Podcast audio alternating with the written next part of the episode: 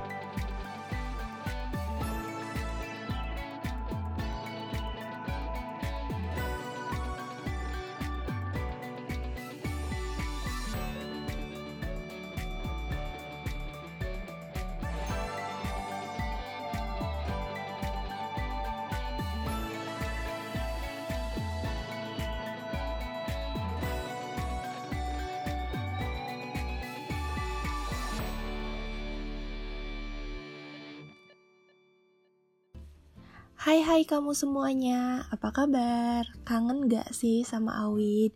Kalau Awid kangen banget loh Udah lama gak bagi-bagi cerita sama kamu semua. Rasanya udah kayak seribu tahun gak ketemu. Gak deh, lebay banget kali ya kalau misalkan sampai seribu tahun gak ketemu mah. Aduh, lebay banget Ed dah Pokoknya karena ini masih suasana lebaran, Awin mau minta maaf dulu sama kalian. Minal aizin wal faizin, mohon maaf lahir dan batin buat teman-teman main The Gaps Podcast. Mohon maaf kalau misalkan selama podcast ada beberapa kata atau ucapan dari Awin yang menyinggung hati kalian gitu. Teman-teman dapat THR berapa nih kalau boleh tahu? Wow, apakah ratusan ribu, ratusan juta, atau gak dapat sama sekali? Kalau Awin udah nggak dapet sama sekali sih ya karena Awin sekarang udah 21 tahun nih. Awin udah nggak dapet THR apa-apa nih. Karena mungkin mikirnya kayak kan harusnya kamu yang ngasih aku THR kayak gitu nggak sih kalau sekarang? Apalagi udah 20 tahun ke atas kan ya. Nah kalau misalkan tahun-tahun kemarin tuh Awin masih dapat tuh 5 ribu, 10 ribu. Sekarang mah udah nggak dapet sama sekali. Kayak kadang sedih ya menginjak umur dewasa tuh tapi apa boleh buat gitu kan? Kita juga nggak bisa mundurin umur gitu kan. Oke okay guys, uh, seperti biasa kamu pasti udah tahu kan dari opening kalau Awin mau bahas apa. Yap, kali ini Awin mau bahas tentang jurusan ilmu keperawatan Kayak semacam deep talk gitu kali ya. Pokoknya Awin bakal ngorek secara dalam nih ilmu keperawatan itu kayak gimana sih? Dan Awin juga bakal bahas gimana awalnya ceritanya Dan kenapa Awin bisa berakhir di jurusan ini Pasti penasaran kan? Eits, tapi di sini Awin gak bakal sendirian guys. Awin bakal ditemenin sama dua temen Awin dari kampus dan salah satunya itu adalah duta kesehatan Jawa Barat. Penasaran gak sih? Pasti kayak keren banget guys temanku satu ini ada Hasya dan Febrina dan daripada kita nunggu lama-lama lagi langsung kita sapa aja orangnya halo Hasya halo Febrina Gimana nih kabarnya Febrina sama Hasya? Baik banget nih kabarnya. Gimana kabar teman-teman semuanya? Awit gimana nih kabarnya? Alhamdulillah aku juga baik banget dan kita doain aja ya semoga sobat main The Gap semuanya dalam keadaan baik. Kalau Hasya gimana nih?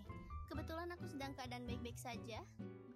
Oke, alhamdulillah ya kalau gitu teman-teman. Nah, karena ini kali pertama kita ketemu di Mind the Gaps podcast dan juga pertama kali buat Hasya dan Febrina untuk muncul di Mind the Gaps podcast, ada baiknya kita kenalan dulu kali ya. Kan ada peribahasa tuh, tak kenal maka tak sayang.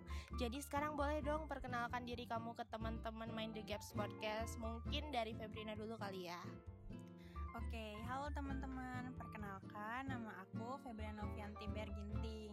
Aku merupakan salah satu mahasiswa semester 6 di Universitas Jenderal Ahmad Yani Cimahi. Oke, untuk Febrina udah ya. Salam kenal Febrina. Salam kenal. Oke, untuk Hasya nih, boleh dong Hasya perkenalkan diri kamu ke teman-teman Mind the Gaps.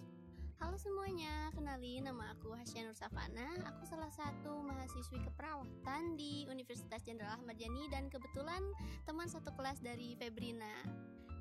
Wah, keren banget nih ya dua-duanya dari jurusan ilmu keperawatan. Untuk Febrina dan Hasya, sekarang kesibukannya apa nih selain kuliah?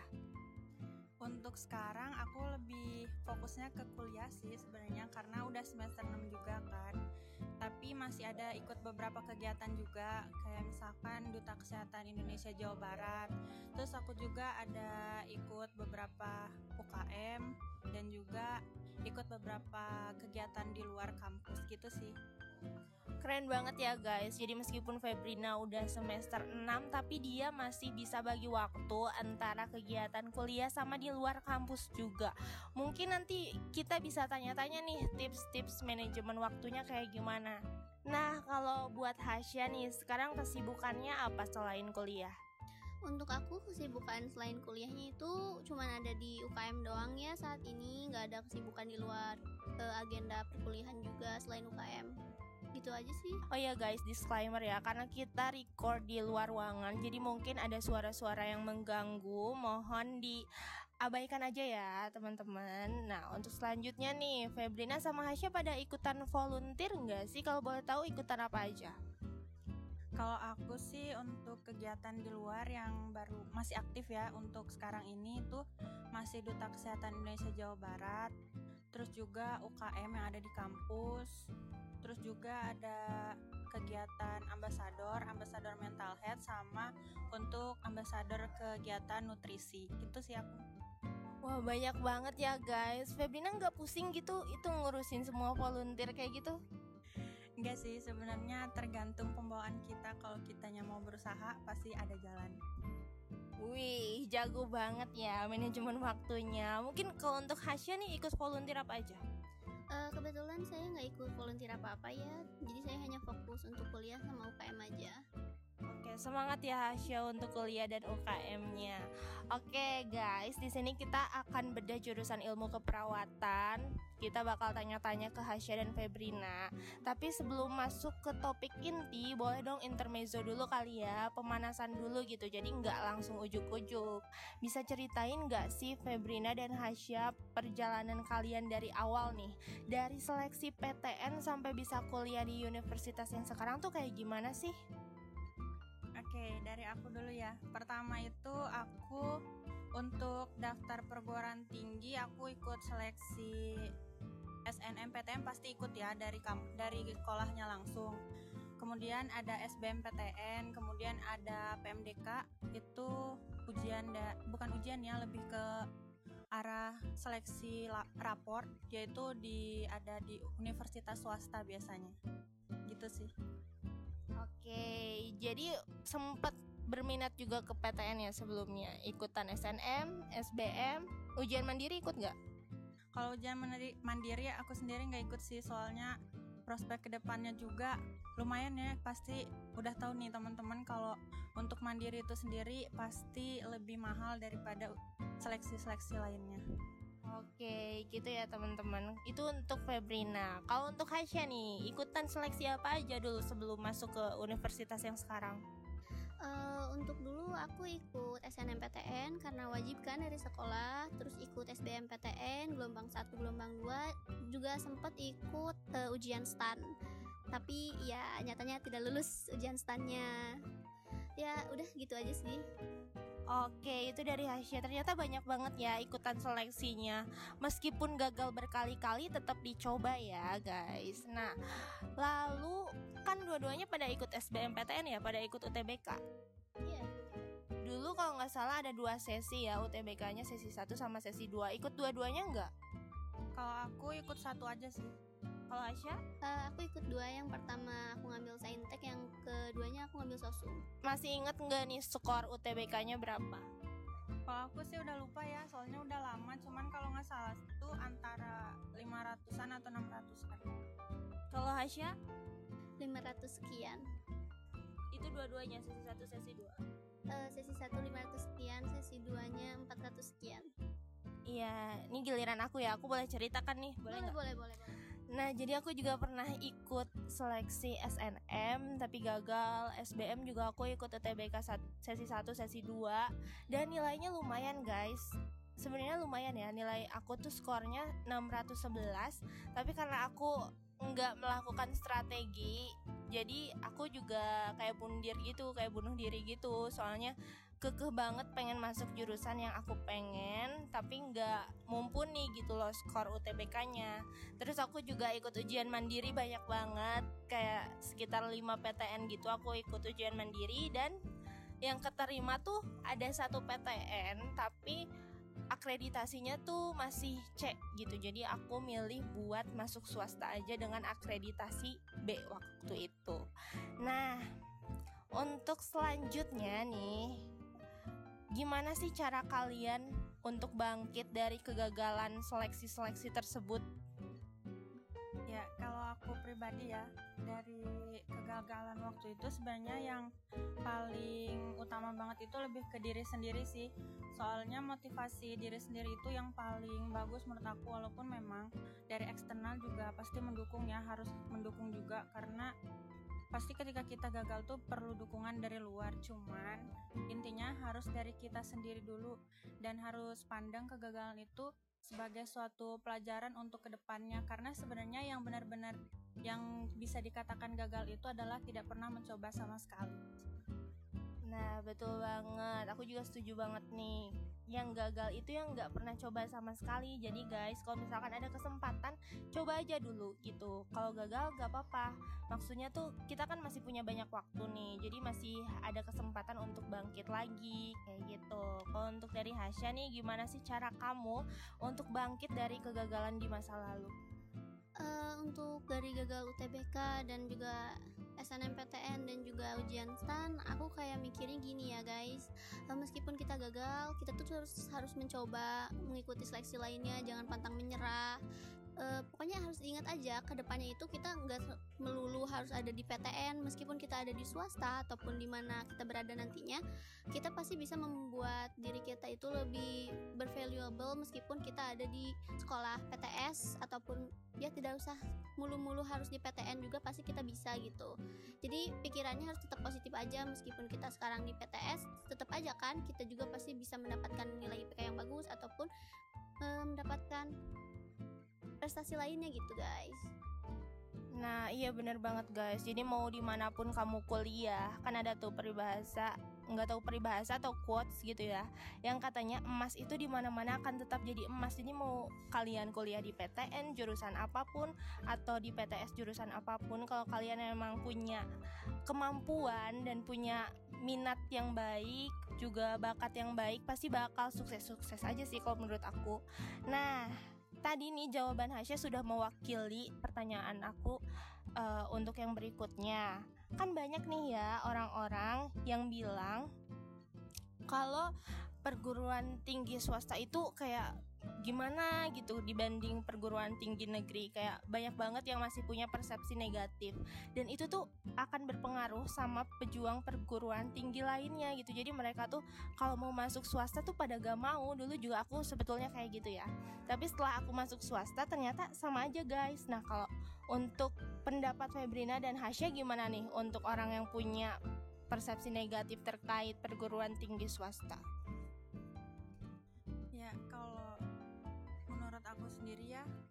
terkait dengan statement itu sebenarnya kita udah nggak asing lagi sih ya. Karena emang aku juga nggak menutup ma- mata terhadap fakta bahwasannya ada beberapa ini terkait dengan dunia pekerjaan ya barangkali. Mungkin beberapa teman-teman juga udah pernah dengar gitu kalau misalkan ada beberapa perusahaan yang mandang perguruan tinggi gitu. Kita nggak menutup fakta bahwa ada beberapa perusahaan yang seperti itu gitu. Cuman ini aku setuju banget sih sama yang dibilang sama pembawa podcast kita hari ini nih. Sama statement Awit tadi bahwasannya kalau emas itu di mana pun akan tetap menjadi emas. Dan juga untuk pilihan PTN dan PTS itu kembali lagi kepada tujuan teman-teman. Makanya sebelum teman-teman memutuskan nih berkuliah di PTN atau ke PTS tuh harus udah tahu ke depannya tuh ingin apa tujuannya gitu. Karena memang ada beberapa juga kayak seperti misalkan beasiswa gitu yang dia tuh terbatas ke kerjasama antar universitasnya gitu. Dan sebenarnya beberapa PT, PTN dan PTS pun ada yang kerjasama juga cuman ada beberapa yang enggak gitu. Jadi makanya teman-teman tuh harus pinter-pinter membuat strategi. Nanti ke depannya selama kuliah tuh mau ngapain aja? Mau jadi seperti apa gitu. Jadi semuanya benar-benar sudah tertata dari sebelum teman-teman kuliah. Jadi nggak ada kata-kata nyesel kuliah di sini nyesel kuliah di situ. Atau misalkan kata-kata aku mah kuliahnya cuma di PTS aja jadi nggak lebih hebat daripada teman aku si A yang kuliah di PTN kayak gitu. Iya betul banget ya. Aku setuju banget sama Febrina. Jadi kalian itu ke sebelum kuliah tuh bener-bener harus matengin dulu rencana kalian. Nanti abis kuliah mau jadi apa terus juga harus sejalan sih kalau menurut aku sama pekerjaan yang kalian minati. Jangan kayak aku yang penting kuliah di PTN terserah deh mau jurusannya apa jangan kayak gitu ya guys. Soalnya kayak banyak banget dulu teman aku yang kayak gitu. Kayak menurut aku kalau gitu meninggikan gengsi doang gak sih kuliah di PTN tapi jurusannya nggak kamu minatin gitu. Jadi harus jelas dulu mau di mau kuliah di mana, mau jurusan apa, ke depannya mau seperti apa, pokoknya harus tertata gitu. Untuk Hasya ada tambahan lagi nggak terkait gimana sih persepsi negatif orang-orang itu? Untuk persepsi negatif orang-orang terhadap kuliah di PTS sendiri mungkin banyak juga yang bilang kalau di PTS itu nilai gampang dan segala macam kayak gitu kan. Pada nyatanya di kenyataannya itu sebenarnya nilai di PTS itu sama aja gitu sulit. Kita juga sama-sama belajar di sini, sama-sama menghafal, sama-sama melakukan ujian. Nggak ada yang nilai gampang yang benar-benar oh yang penting bayar uang kuliah langsung nilainya bisa kumlot kayak gitu enggak kita juga di sini sama-sama belajar juga sama seperti orang-orang yang di PTN mungkin ada beberapa PTS yang bisa seperti itu. Tapi kalau untuk kita pribadi di sini uh, untuk nilai sih murni ya hasil diri sendiri Iya bener banget guys. Ada yang bilang katanya Alah PTS mau modal punya uang doang. Gak gitu guys. Kita juga pas waktu masuknya diseleksi juga Kita ngerjain soal. Terus juga ada sebagian yang gak masuk PTS Karena gagal gitu. Jadi semuanya sama sih Dari mulai seleksi Penilaian Belajarnya juga sama kayak di PTN Nih Febrina ada tambahan gak ya?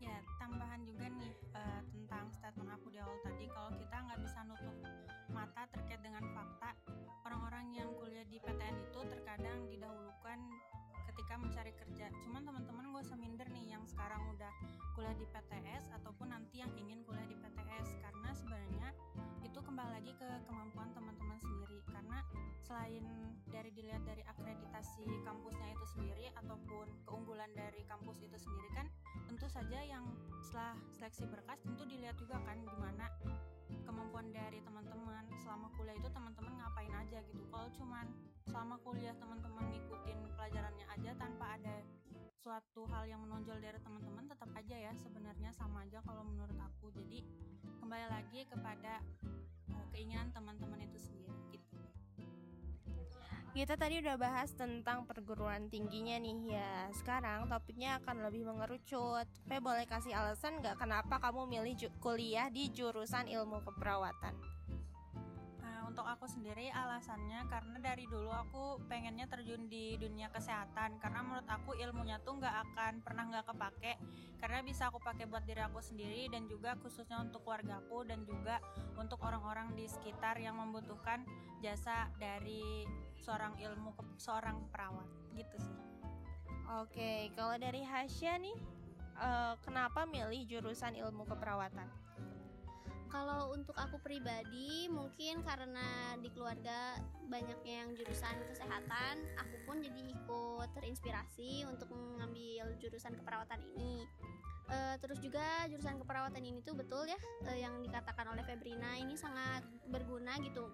Bukan hanya untuk uh, masyarakat tapi juga untuk kita dan keluarga kita. Dapat diaplikasikan kepada diri sendiri kepada orang tua kepada adik atau yang sudah memiliki keluarga kepada suami kepada anak seperti itu Oke, Febrina dan Hasya kan udah semester 6 nih Otomatis udah banyak banget hal-hal yang dilewatin di jurusan keperawatan ini Boleh dong sharing gimana sih suka dan dukanya kuliah di ilmu keperawatan?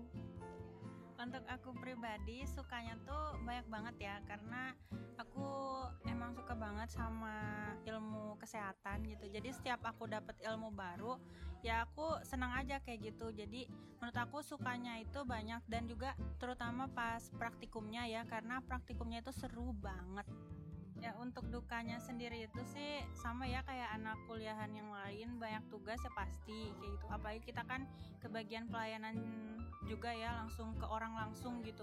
Kita juga dituntut untuk tidak melakukan kesalahan gitu. Karena siapa sih yang mau gitu nerima kesalahan kita? Kemudian pas kita ngebuat kesalahan oh ya nggak apa-apa nggak apa-apa kayak itu nggak mungkin ada yang kayak gitu. Jadi emang pressure-nya di situ sih. Lebih kepada harus sempurna seperti itu Oke, itu dari Febrina. Kalau dari Hasya gimana nih suka dan dukanya kuliah di keperawatan? Kalau untuk sukanya mungkin benar ya kata Kak Febrina tadi, ini eh, praktek itu sangat-sangat menyenangkan kalau setiap ujian praktek itu meskipun agak sulit untuk dilakukan tapi membekas di hati dan itu sangat menyenangkan ketika kita belajar untuk ujian prakteknya kalau untuk dukanya sedikit melelahkan untuk belajar menghafal dan segala macam. Banyak tugas seperti kuliah pada umumnya. Untuk dukanya mungkin seperti itu. Cukup. Oke kalian kan udah belajar banyak banget nih ya ilmu-ilmu keperawatan. Boleh di-spill gak sih mata kuliahnya apa aja? Soalnya kan ada nih para pejuang perguruan tinggi yang kalau milih-milih jurusan tuh ada yang bilang katanya aku nggak mau ketemu matematika lagi, ah, aku nggak mau ketemu fisika lagi. Nah biar para pejuang perguruan tinggi siap-siap gitu ya mempersiapkan diri, boleh dong di-spill belajar apa aja sih di keperawatan? Untuk di jurusan keperawatan sendiri untuk semester pertama pasti sama ya. Awalnya itu masih dasar-dasar dulu ada kayak pelajaran agama kemudian ada bahasa Indonesia gitu-gitu. Tapi nanti mulai ke sana sananya mulai menjurus mulai dari dasar-dasar dari keperawatan. Contohnya aja ada departemen keperawatan medikal bedah ada maternitas kemudian juga ada untuk gerontik ada untuk banyak lah pokoknya untuk anak, untuk orang tua. Jadi nanti kita bakal belajarnya itu per stase-stase gitu. Jadi teman-teman yang pingin ke jurusan keperawatan gak usah ragu-ragu karena pasti ilmunya itu bermanfaat banget mulai dari umur yang masih muda anak-anak sampai ke orang tua kayak gitu. Nah, untuk seperti yang dikatakan oleh Awi tadi, kalau misalkan kuliah menghindari banget yang namanya hitung-hitungan itu sebenarnya nggak perlu sampai segitunya banget ya karena untuk semua jurusan, apalagi kan S1 itu kan nanti ada skripsi, pasti di akhir ada yang namanya pelajaran statistik. Nah, itu pasti akan ada hitung-hitungan gitu. Jadi, kalau teman-teman milih jurusan itu harus benar-benar menurut passion teman-teman sendiri apa yang teman-teman sukai gitu. Betul banget guys. Jadi di keperawatan juga kita masih ada ngitung-ngitungnya karena belajar statistika. Kalau menurut aku emang di semua jurusan yang S1 emang pasti bakal belajar statistika. Dan yang digunainnya tuh cuman kayak perkalian, pertambahan, pembagian yang sederhana, tapi harus ngerti tetap gitu. Kalau dari Hasya, gimana nih? Ada tambahan nggak untuk mata kuliahnya? Uh, untuk mata kuliah yang aku suka sih ada ini keperawatan jiwa ada cerita lucu nih sebelumnya dari keperawatan jiwa ini boleh banget di share nih iya jadi aku kan udah dapat materi keperawatan jiwa kan terus lalu aku tuh kenalan sama seseorang di internet ceritanya lalu dia tuh agak sedikit down dan punya trust issue juga dia punya banyak masalah di kehidupannya. Lalu aku mencoba mengimplementasikan uh, pelajaran yang telah aku dapatkan dari keperawatan jiwa ini ke teman aku yang online ini. Agak lucu sebenarnya soalnya dia tiba-tiba nanya begini ke aku e, kak e, jurusan psikologi ya? Soalnya apa yang kakak ucapkan sama sama banget persis sama apa yang uh, psikolognya bilang gitu dia tuh kan punya terapis gitu kan dan dia juga pernah pergi ke terapis. Nah katanya tuh ucapan yang aku bicarakan tuh sama dengan terapis yang dia punya. Terus aku kayak kaget hah aku bukan psikologi kata aku. Aku jurusan keperawatan tapi kita pun belajar tentang uh, keperawatan jiwa. Seperti itu kakak Awin Oke, jadi bisa disimpulin ya guys, di keperawatan itu kita belajar bermacam-macam dari mulai gimana sih cara komunikasi, gimana sih cara memperlakukan orang gitu dengan baik, dari mulai uh, gimana sih cara menunjukkan perawatan dengan kasih sayang gitu. Kita juga belajar itu guys gitu. Uh, selain itu aku ada tambahan jadi di keperawatan ini banyak banget manfaat secara praktikal yang bisa kita lakukan di kehidupan sehari-hari. Misalnya kita belajar gimana sih kalau misalkan nyari pinggang kita harus ngapain sih? Oh, kita harus senam low back pain, terus juga di kalau misalkan kita udah punya keluarga nanti kita tahu tahap-tahap perkembangan di keluarga itu apa aja tugas-tugasnya kayak gimana supaya keluarga kita bisa tetap harmonis kayak gitu. Pokoknya banyak banget sih yang mungkin bakal aku praktekin di kehidupan aku selanjutnya di masa dewasa kayak gitu. Nah pertanyaan terakhir nih dari aku. Prospek kerja lulusan keperawatan itu bisa jadi apa aja sih? Apakah emang kerjanya cuman ngerawat orang sakit aja atau gimana tuh Terus apa yang membedakan profesi keperawatan ini dengan tenaga kesehatan lainnya? Kita mulai dari Febri dulu nih. Untuk prospek kerjanya sih udah pasti ya. Tadi seperti yang dibilang oleh Awit, kalau kita bakal ngerawat orang, tapi uh, ada di rumah sakit, ada di klinik, puskesmas dan sebagainya. Terus selain itu juga sebenarnya ada beberapa juga. Ini mah yang aku tahu ya. Kita tuh bisa ada di pelabuhan, kemudian juga uh, seperti di perkapalan gitu, terus di perusahaan tambang, terus juga ada uh, kayak misalkan di pokoknya di bagian-bagian yang ada transportasinya yang memang nanti membutuhkan yang namanya tenaga perawat itu bisa ada juga di sekolah-sekolah gitu uh, dan perusahaan-perusahaan beberapa ada juga yang memakai jasa kita. Terus sekarang itu ada namanya nurse trainer. Jadi selain kita menjadi seorang perawat, kita juga menjadi seorang uh, wirausahawan gitu.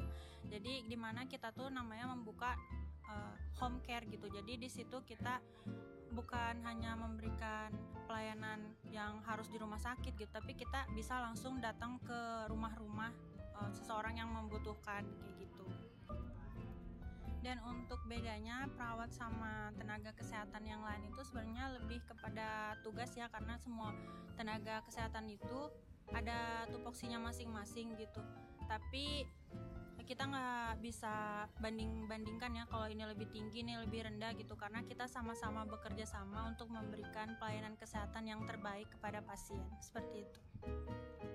Kalau dari Hasya gimana nih? Kalau menurut aku sendiri sih apa yang disebutkan yang diucapkan oleh Kak Febrina ini sudah mencakupi semua prospek kerja untuk bidang keperawatan sendiri ya. Kalau untuk menjadi dosen kan emang udah gak asing lagi kan semuanya juga pasti bisa menjadi dosen kalau sudah melanjutkan ke jenjang S2 mungkin juga kita juga bisa men menjadi guru di SMK-SMK kesehatan seperti SMK keperawatan yang ada di daerah kita masing-masing. Seperti itu sih Kak Oke, jadi guys uh, banyak banget pokoknya jurusan kesehatan itu banyak yang membutuhkan ya. Jadi nggak usah bertanya-tanya kita bakal kerja di mana sih, bakal kerja di mana sih, pasti bakal dibutuhkan di mana pun gitu jurusan kesehatan itu. Karena kita kan ya mau sehat ya, setiap orang mau sehat dan cara sehat itu gimana? Ya harus dirawat dong sama perawat kayak gitu. Oh iya dan di keperawatan juga lulusannya tuh bisa bikin klinik guys. Jadi kalian bisa berkolaborasi sama dokter sama tenaga kesehatan lainnya untuk buka klinik. Itu juga menurut aku sangat menggiurkan sekali ya guys prospek kerja kayak gitu. Jadi selain kita buka klinik kita bisa kerja di klinik kita sendiri kayak gitu. Jadi lebih enak kalau menurut aku.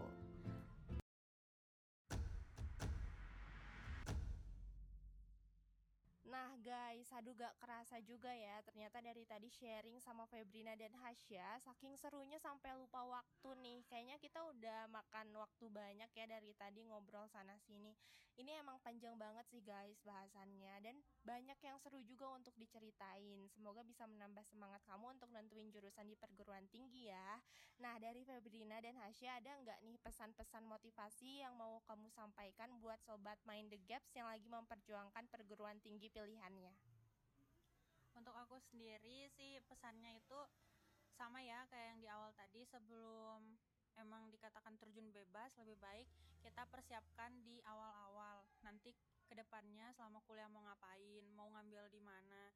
Yang terpenting itu jangan sampai kita menjadikan alasan nanti di tengah-tengah aku mah ngambilnya di sini ini mah kampus yang gak bagus. Atau nanti misalkan aku mah gara-gara nggak lulus di sini atau misalkan nanti itu bakal dijadikan alasan-alasan negatif nanti di pertengahan untuk uh, dijadikan suatu alasan kenapa dirinya itu tidak menjadi bagus selama di perkuliahan gitu. Karena sebenarnya sudah menjadi tanggung jawab kita untuk melakukan yang terbaik di perkuliahan untuk masa depan kita juga sama terutama untuk teman-teman yang masih dibiayain sama orang tua nih. Ini punya tanggung jawab sendiri untuk selama di kuliah itu memberikan yang terbaik untuk membanggakan kedua orang tuanya.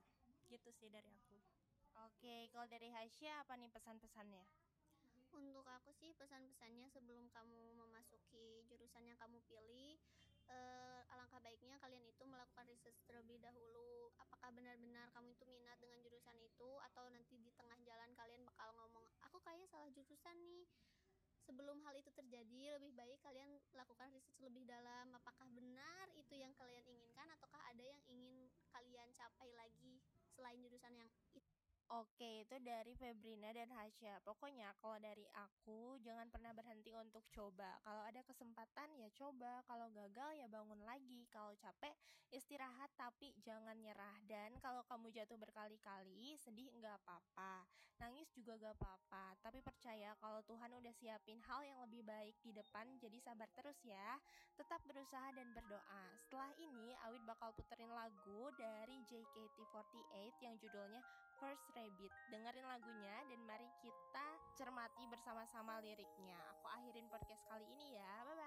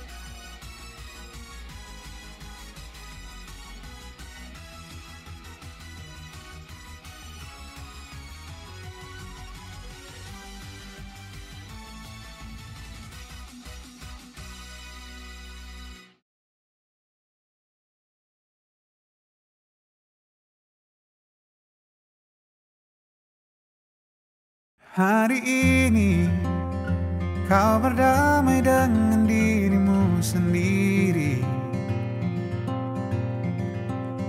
Kau maafkan semua salahmu ampuni dirimu. Hari ini ajak lagi dirimu bicara mesra Berjujurlah pada dirimu kau bisa percaya. Maafkan semua yang lalu. Ampuni hati kecilmu. Luka-luka hilanglah luka Biar tentram yang berkuasa. Kau terlalu berharga untuk luka. Katakan pada dirimu Semua baik-baik saja. Bisikanlah Terima kasih pada diri sendiri Hebat dia. Terus menjagamu dan sayangimu. Suarakan Bilang padanya jangan paksakan apa pun. Suarakan Ingatkan terus aku makna cukup Luka-luka hilanglah luka Biar senyum jadi senjata. Kau terlalu berharga untuk luka Katakan pada dirimu. Semua baik-baik saja